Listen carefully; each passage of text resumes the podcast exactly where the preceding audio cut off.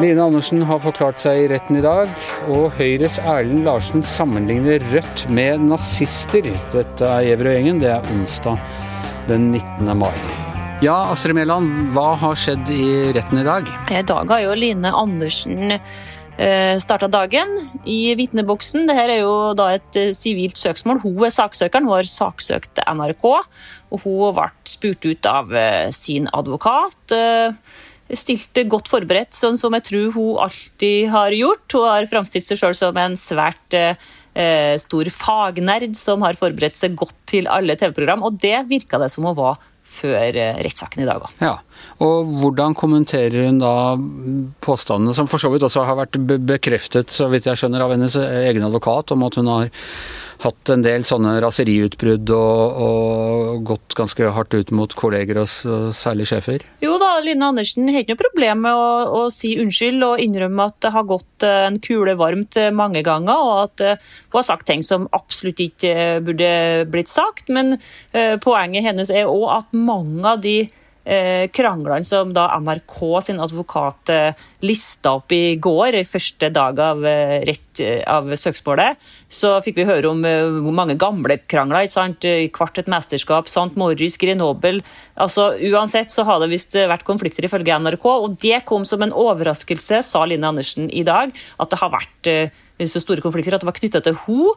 Um, hun mener at, eh, at, eh, det er et røft arbeidsmiljø der folk jobber sammen i team, er ute på reise store deler av året, har sitt hverandre eh, i helt andre situasjoner enn eh, vanlige arbeidskollegaer på et regnskapskontor eller andre plasser gjør. Og, eh, at de har en slik tone, og at det meste burde det jo vært lett å ordne opp i med en samtale, en telefon etterpå. Det var slik de har gjort det tidligere, og nevnte mange eksempel på at andre kollegaer hadde klikka, for å si det enkelt, sparka i møblement, og at det har vært eh, mange slike lignende ting. Så hun skjønte ikke hvorfor hun skulle bli straffa så hardt som hun mener at hun har blitt straffa, da. Så slik hun oppfatter det, så er det på en måte ja, innimellom går det en kule varmt, og man krangler, og så ber man unnskyldning og blir venner igjen, og så plutselig har NRK eh, etter dette famøse møtet da i oktober 2019 satt foten veldig ned? Ja, Hun mener jo at hun har fått en svært hard straff. da. Eh, ikke bare det at hun ble tatt av eh, sjakksendinga etter det møtet som du snakka om i sjakkredaksjonen, der de krangla, men eh, at hun har mista oppdrag på skjermen mange ganger etter det. Um, romjula ble tatt av sjakken, og så var det alpint året etterpå. Så hun mener at hun har fått en svært streng straff, og viser til at andre i NRK har fått skriftlige advarsler og gått videre, og at andre òg har Eh, hatt raseriutbrudd, men at de har ordna opp i det. Men eh, hun syns at eh, for det første at hun har fått en, aldri skulle vært tatt av skjermen og fått en veldig streng straff. Må ikke fått tilbake jobben sin, men òg veldig kritisk til prosessen som NRK har kjørt av den konflikthåndteringsprosessen som ble starta etter det her eh, omtalte møtet i sjakkredaksjonen der de krangla så masse at hun ble tatt av skjermen. Hvordan framstår hun i retten? Er hun tynget av stundens alvor? Er hun, altså hun er jo Vi vet jo at hun er god til å, til å uh, opptre og, og gjør seg godt på TV. gjør hun seg godt i retten også? Jeg vil si svært på hugget. Energisk. Har en forklaring på det meste. Godt forberedt. Det kan til tider bli vel detaljert. Vi blir tatt med behind the scenes i NRK Sporten. og jeg tror nok kanskje dommerne sliter litt med å følge med på alle de fornavnene og alle de vaktsjefene og produserne som blir nevnt. og sånn. Det virker til tider som eh, eh, Linn Andersen fortsatt jobba i NRK Sporten. Hun snakka om at slik gjør vi det her. Vi eh, er langt inn i detaljene og forteller om hvordan TV-produksjon skal foregå. Da. Eh, men eh, alt i alt klarer det så bra. Det har òg vært eh, ganske mange emosjonelle parti der hun har forklart om eh, eh, vanskeligheter i familien, at mora døde, vanskeligheter med sykmelding, sykdom, eh, som har gjort som er en forklaring mener hun på at hun har vært så masse sykmeldt, som hun da mener hun er mistenkeliggjort for. Og Det har vært vanskelig for henne å forklare seg om, helt åpenbart, og har vært på grotten flere ganger. Men alt i alt så vil jeg jo si at hun har svart godt for seg og, og, detaljert og godt forberedt. NRK sin advokat hadde ganske få spørsmål til henne, så det var over veldig kjapt. Mens hennes egen advokat brukte godt over tida. Og er det fordi de på en måte er ganske enige om de faktiske forholdene i forhold til at ja, det har vært noen konflikter, det har vært noen utskjellinger. Hun mener at hun har ryddet opp etter seg og, og bedt om unnskyldning. Eh, men at de, er ikke direkte uenige om hva det er som har skjedd. Er det derfor advokatene ikke bruker lang tid på på å spørre henne ut? Eh, ja, de er jo som du sier enige om faktumet. Eh, det var en krangel på det etter sjakkmøtet. Hun ble tatt av. Det er mer um, i hvor stor grad den prosessen etterpå var uh, profesjonell, som Line Andersen angriper da. Hun har lest opp på Arbeidstilsynets regelverk, og er godt forberedt, har snakka med HR-sjefer og andre med um, profesjonelle i arbeidslivsrett virka det som. Sånn at hun har mange mange innvendinger mot hvordan det ble løst. Det ble jo kobla på en ekstern eh, organisasjonspsykolog for å prøve å få til konflikthåndtering.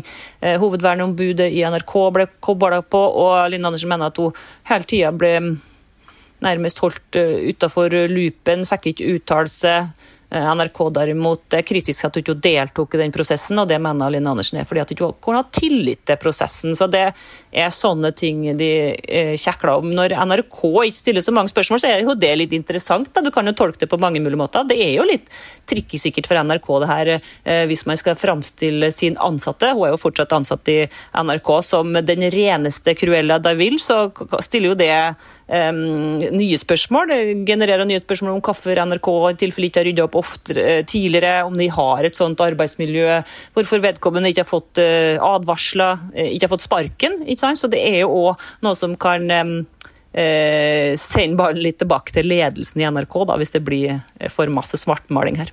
Er du blitt spurt om hva hun på en måte håper å oppnå? For det er jo ikke Det må jo være vanskelig for henne å bli framstilt altså mange situasjoner i, i, min arbeidsdag og i min arbeidstid som jeg for så vidt er glad jeg ikke skal forklare meg om i, med alle medier, medier, til stede. Det må jo være ganske tungt, og, og ikke nødvendigvis uh, til hennes fordel, uh, alle disse greiene. Har hun blitt spurt om det? Ja, dommer, dommerne var inne på slutten her nå og spor hva egentlig hun ønska. Det var ikke så lett for Line Andersen å svare på. Jeg tror det jeg sitter igjen med, var at hun ønska seg en rettferdig konflikthåndteringsprosess. Eh, ikke den konflikthåndteringsprosessen som NRK satte i gang, men en rettferdig, eh, ekstern, eh, uhildet, eh, ordentlig prosess som ikke er en skinnprosess. Eh, men så virka det jo, hvis jeg skal tolke det hun sa, som hun nærmest har gitt opp litt å komme tilbake til NRK-sporten. Det hørtes liksom ut som det var noe som begge parter har ønska ganske lenge, men at nå har det gått helt i stå. At eh, konflikten er mer fastlåst enn noensinne, egentlig. Når begynner de å føre vitner? Det var meninga at de skal komme på slutten av dagen i dag. Um, nå er jeg litt forsinka, men jeg tror Egil Sundvor, som er eh, nøkkelvitne, NRKs sportsredaktør, skal komme nå litt ut på dagen. og Det blir jo veldig spennende. fordi Han var jo da eh, Line Andersens sjef, hadde personalansvar. og eh, Line Andersen mener at hovedproblemet nærmest den konflikten her er eh, det, det forholdet som oppsto mellom dem, da, konflikten mellom henne og sjefene, og spesielt han. da. Ja.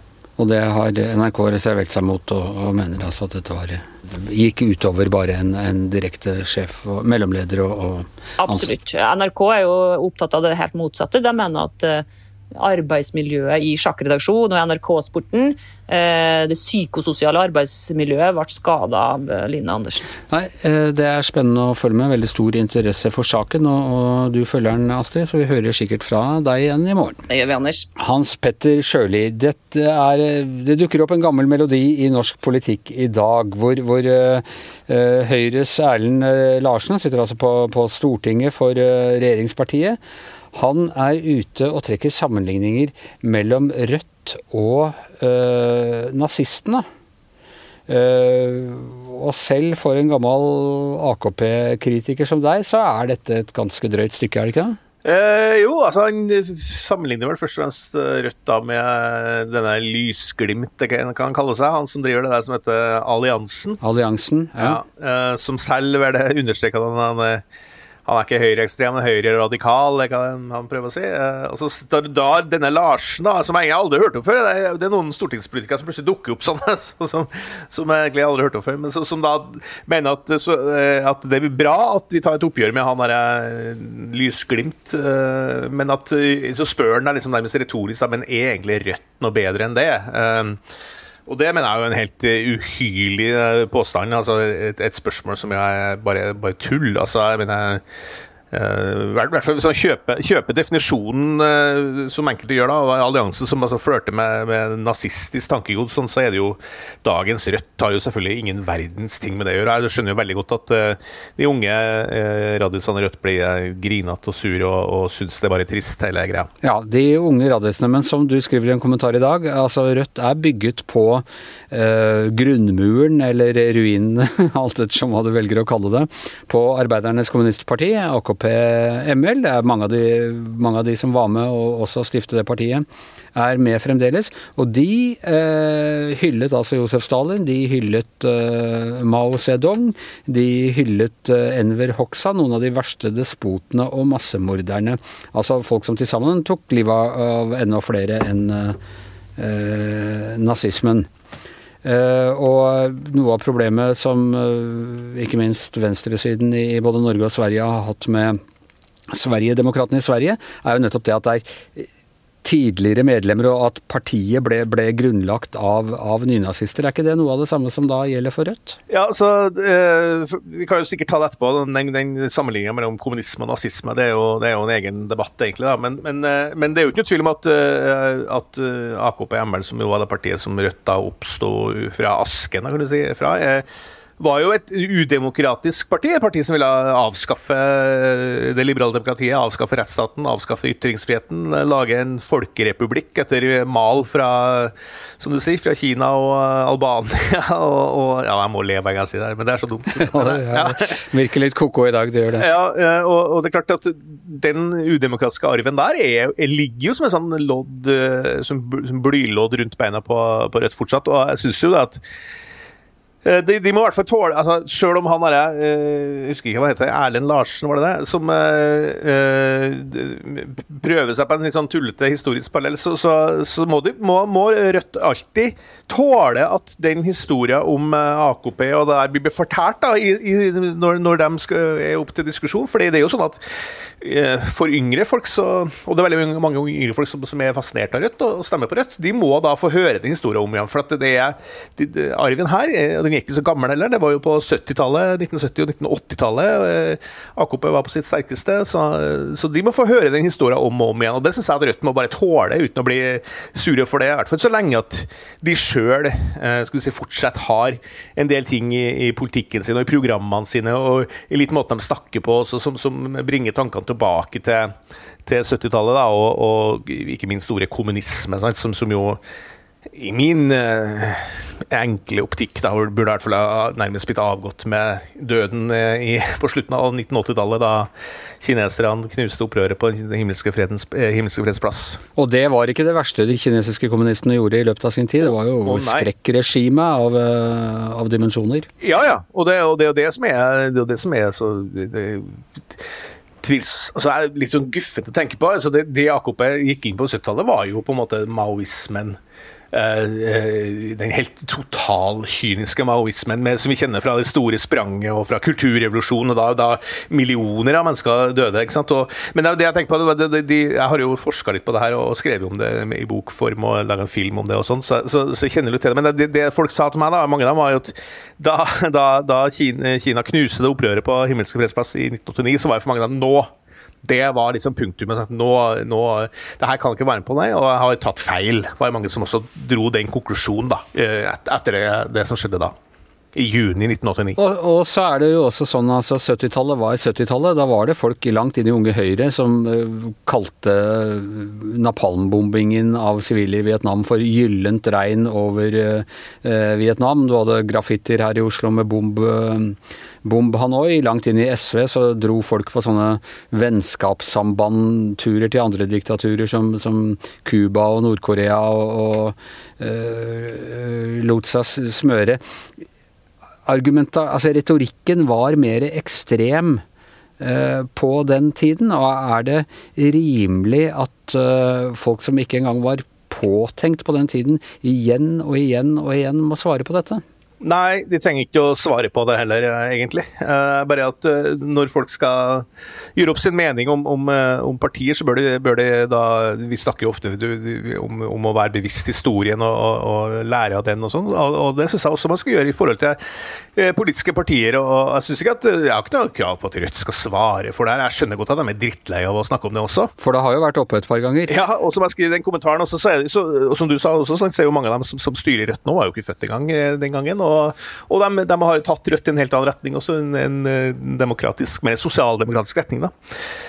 Men at vi, skal, at vi skal, slutte å snakke om historien, det, det, det, har vi jo vært innom flere ganger siste her i Gjævergjengen også. Det, det, må vi jo ikke gjøre. Altså, vi må jo holde den diskusjonen og den råka åpen hele tida. Og, og, det ser vi jo ikke minst i forhold til det, som var utgangspunktet for diskusjonen her. Også han derre eh, lysglimt og det tøvet han holder på med, er jo det også en flørt med, med gamle Eh, tropa fra, fra, en historie som vi håpa var ferdig og begravd en gang for alle. Nå ser det jo rødt ut, det varierer litt fra meningsmåling til meningsmåling, men på noen har de gjort det riktig bra. Ser ut som er det partiet av småpartiene som kan komme over sperregrensa. Tror du dette interesserer andre enn A, oss som er så gamle at vi husker hvordan det var å bli herja med av AKP-erne, og B, dere historikere?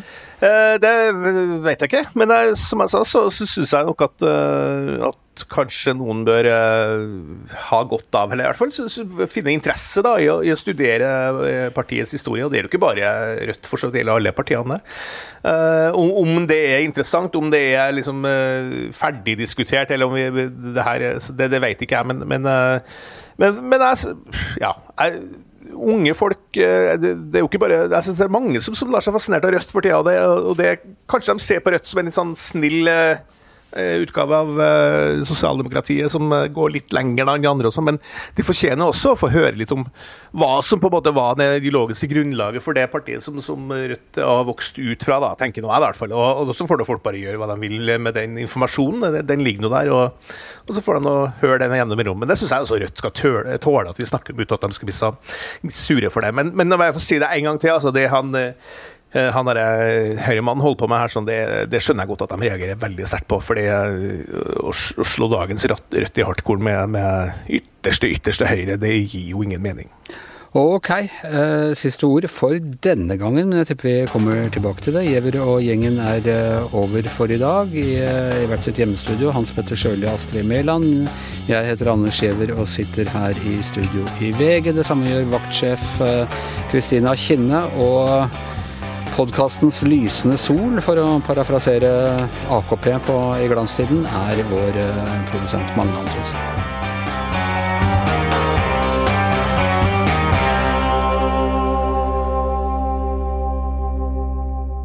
Du har hørt en podkast fra VG.